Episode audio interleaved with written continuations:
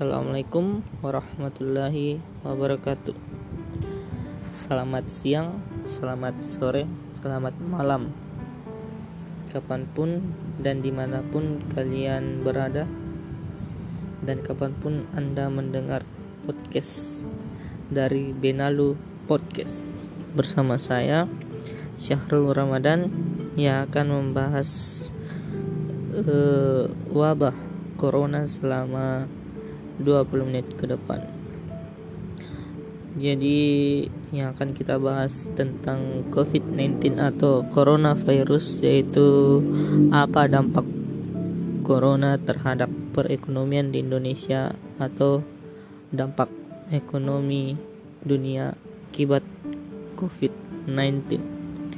Jadi untuk kepada semua warga Indonesia Semoga kalian semua selalu berada di lindungan Allah Subhanahu wa taala dan yang sedang menjalankan ibadah puasa semoga selalu uh, semangat dan apa yang kalian lakukan bernilai ibadah di sisi Allah Subhanahu wa taala. Dengan tidak uh, membuang waktu yang banyak, langsung saja uh, dua bulan terakhir ini kita dilanda atau sedang digemparkan dengan adanya wabah virus corona. Nah, mungkin di antara kalian masih bertanya-tanya, apa itu virus corona?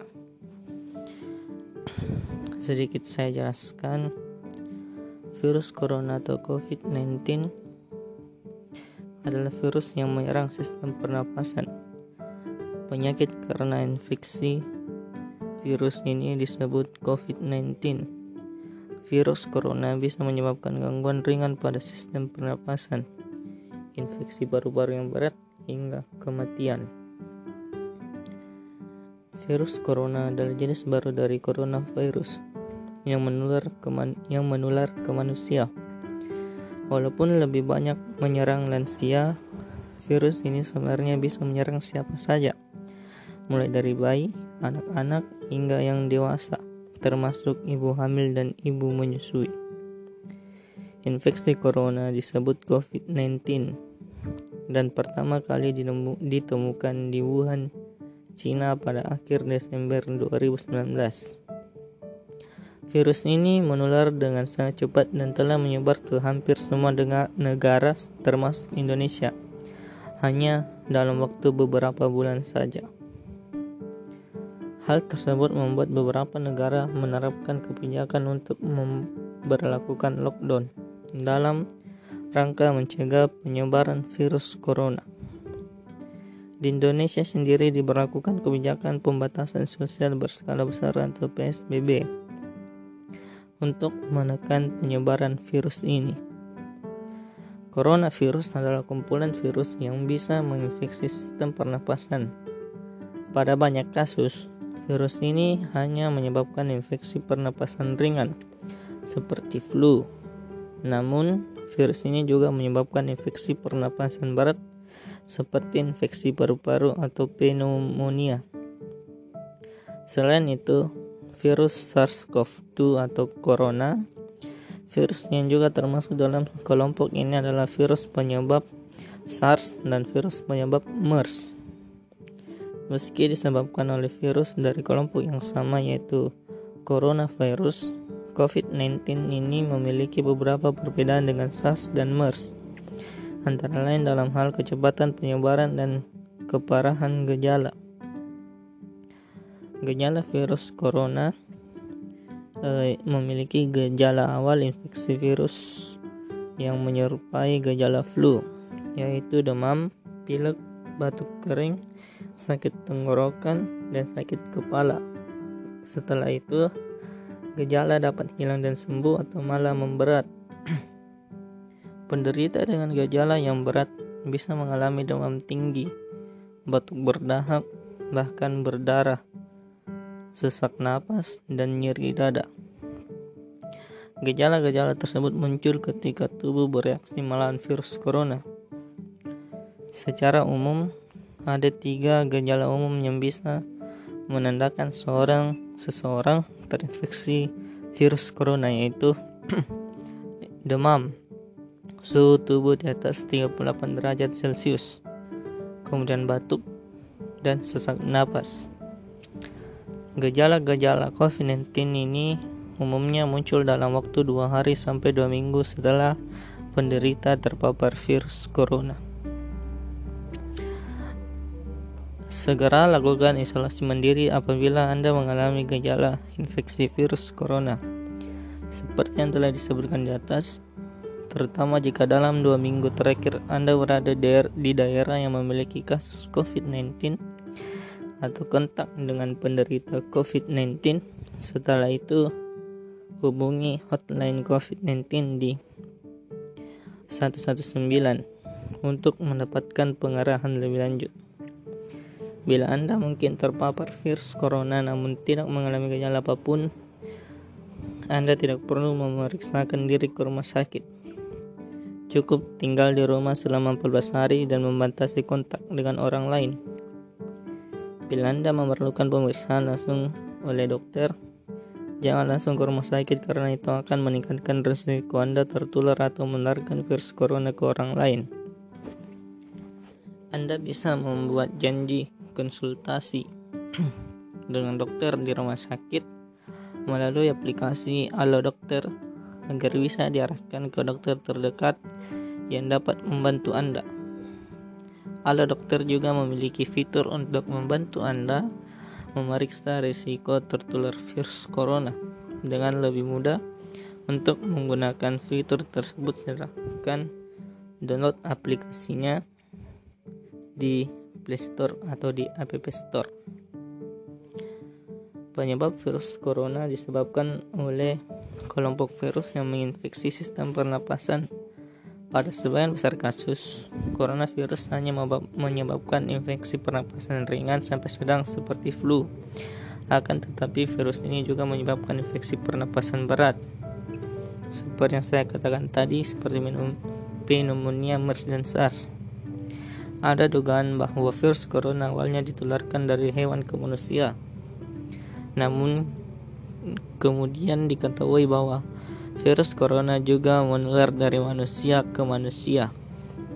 Seseorang dapat tertular COVID-19 melalui berbagai cara, yaitu tidak sengaja menghirup percikan ludah yang keluar saat penderita COVID-19 batuk atau bersin memegang mulut atau hidung tanpa mencuci tangan terlebih dahulu setelah menyentuh benda yang terkena cipratan ludah sependerita COVID-19.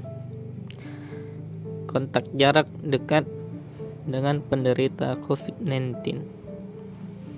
Virus corona dapat infeksi siapa saja, tetapi efeknya akan lebih berbahaya atau bahkan lebih fatal jika terjadi pada orang tua lanjut usia, ibu hamil, orang yang memiliki penyakit tertentu, perokok, atau orang yang daya tahan tubuhnya lemah, misalnya pada penderita kanker.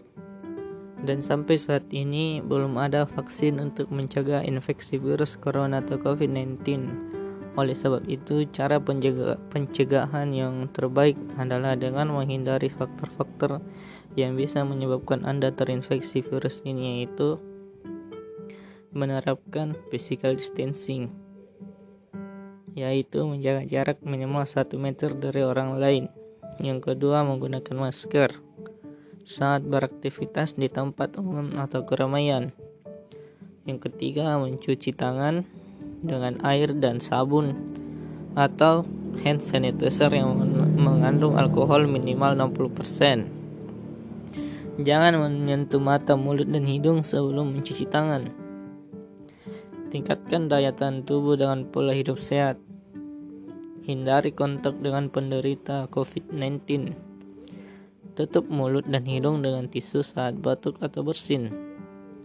Jaga kebersihan benda yang sering disentuh dan kebersihan lingkungan termasuk kebersihan rumah. Kemudian pembahasan kedua. Selain berdampak kepada manusia, corona coronavirus atau COVID-19 juga sangat berdampak dan punya efek besar terhadap pertumbuhan ekonomi Indonesia.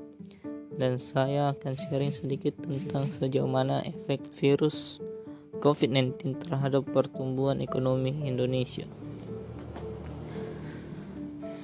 Sejumlah ekonom dan bahan menurut Organisasi Kerjasama Ekonomi dan Pembangunan OECD menyatakan bahwa dampak wabah virus corona akan lebih buruk daripada krisis ekonomi global pada tahun 2008.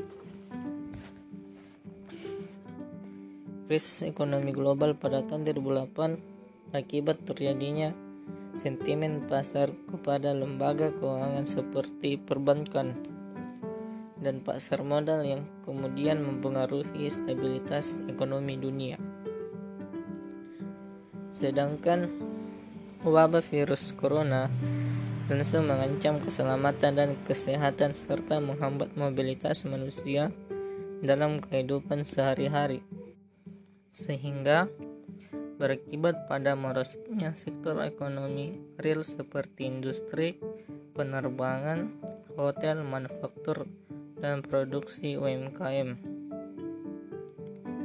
Berbagai indikator memperlihatkan dampak ekonomi yang lebih besar daripada krisis ekonomi global tahun 2008. Antara lain pertumbuhan ekonomi Tiongkok yang merupakan negara manufaktur raksasa dunia saat ini mengalami penurunan drastis bahkan bisa negatif.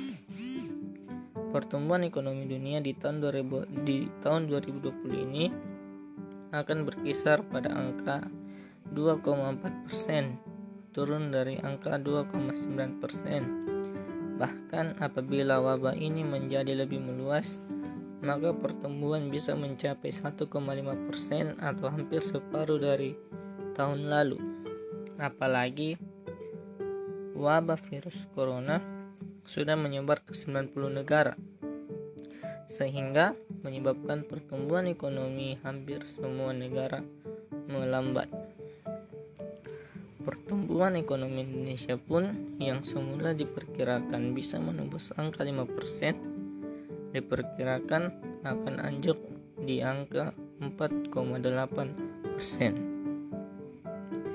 Sebagaimana kita ketahui juga bahwa Bank Indonesia telah merevisi perkiraan pertumbuhan ekonomi pada tahun ini menjadi 5% sampai 5,4 persen dari sebelumnya 5,1 persen sampai 5,5 persen. Apa yang kemudian timbul pertanyaan? Apa yang harus kita lakukan dalam kondisi perekonomian seperti itu? Yang pertama, kita harus fokus memperkuat daya beli di dalam negeri ketimbang menarik keuntungan dari luar negeri. Yang kedua, meningkatkan produksi manufaktur. Yang ketiga, meningkatkan perjalanan wisatawan domestik di dalam negeri. Keempat, meningkatkan promosi ke negara-negara non-tradisional baik tujuan ekspor maupun wisatawan mancanegara. Dan kita harus meyakini adanya rebound ekonomi pada kuartal kedua tahun 2020 ini dengan mensupport berbagai kebijakan pemerintah. Kita harus lebih kreatif dan produktif, serta masyarakat tidak boleh panik dalam menghadapi masalah wabah virus corona ini. Selain Indonesia, dampak COVID-19 juga sangat berefek terhadap ekonomi global tahun 2020 Anthony Guterres, Sekretaris Jenderal PBB bertemu dengan Liu Zhenmin, Wakil Sekretaris Jenderal PBB untuk urusan ekonomi dan sosial. Ekonomi global dapat menyusut hingga 1% pada 2020 karena pandemi virus corona atau COVID-19 dan dapat berkontraksi lebih jauh jika pembatasan kegiatan ekonomi diperpanjang tanpa respon fiskal memadai. Hal itu disampaikan Departemen Urusan Ekonomi dan Sosial PBB UNDSA yang dilansir antara pada Kamis 2 Februari 2020 lalu. Pengarahan UNDSA menemukan bahwa jutaan pekerja berisiko kehilangan pekerjaan ketika hampir 100 negara menutup perbatasan nasional mereka.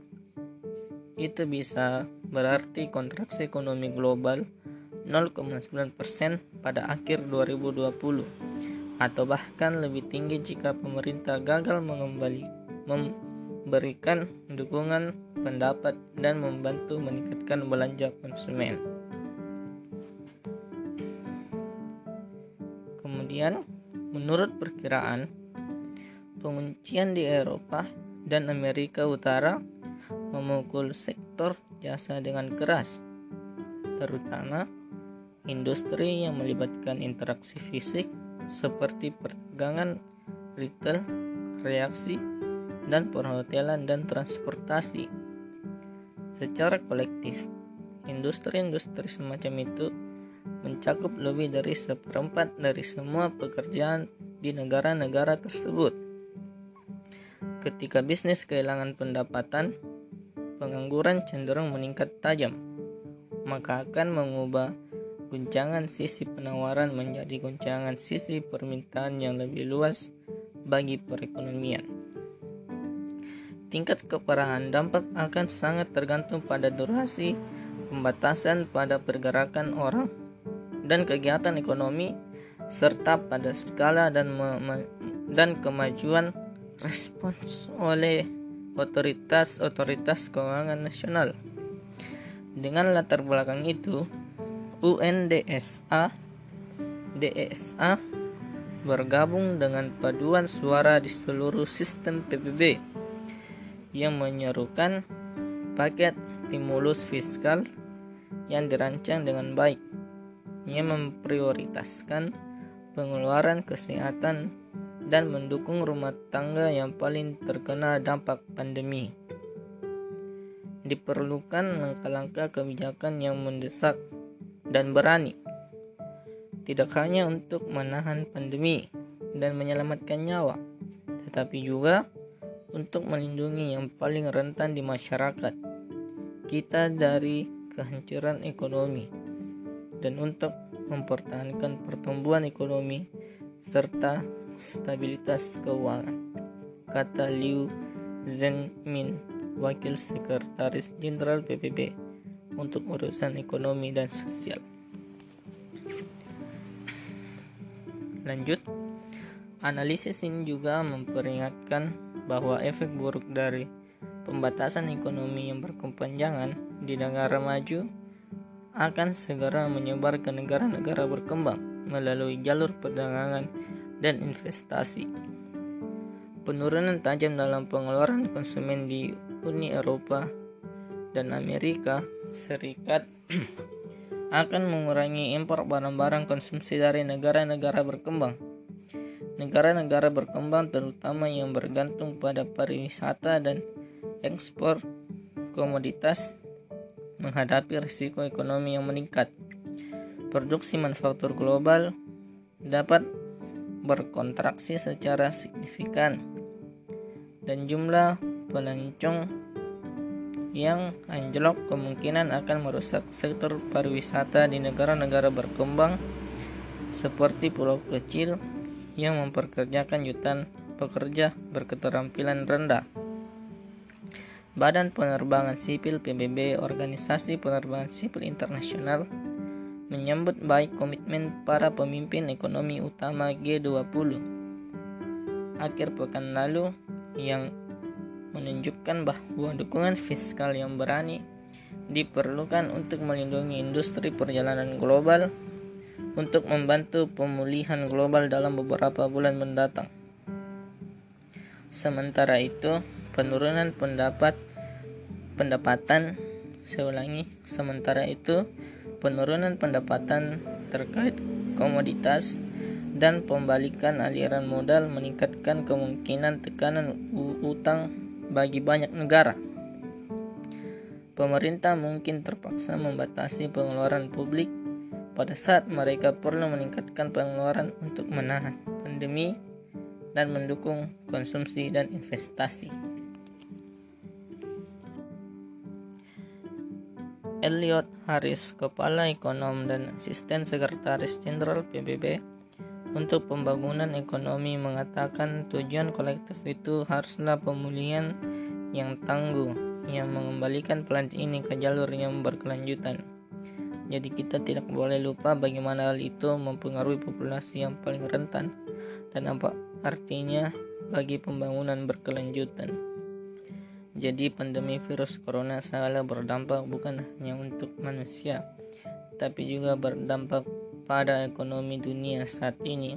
Jadi mulai dari sekarang mari kita bersama-sama menjaga Indonesia bahkan menjaga dunia dengan menerapkan aturan-aturan dari WHO dan aturan-aturan dari pemerintah yakni dengan menerapkan social distancing dan hidup bersih untuk dan yang dan yang lebih penting untuk yang mempunyai urusan yang tidak penting dimohon untuk di rumah saja. Dan saat ini untuk yang melakukan mudik atau pulang kampung mari kita sama-sama memeriksakan diri Anda dan melakukan karantina mandiri. Demi kebaikan kita semua. Sekian dan terima kasih. Kurang lebihnya mohon dimaafkan. Jika ada kurang itu datang dari diri saya sendiri. Dan jika ada yang lebihnya itu datang dari Allah Subhanahu wa taala. Semoga bermanfaat. Assalamualaikum warahmatullahi wabarakatuh.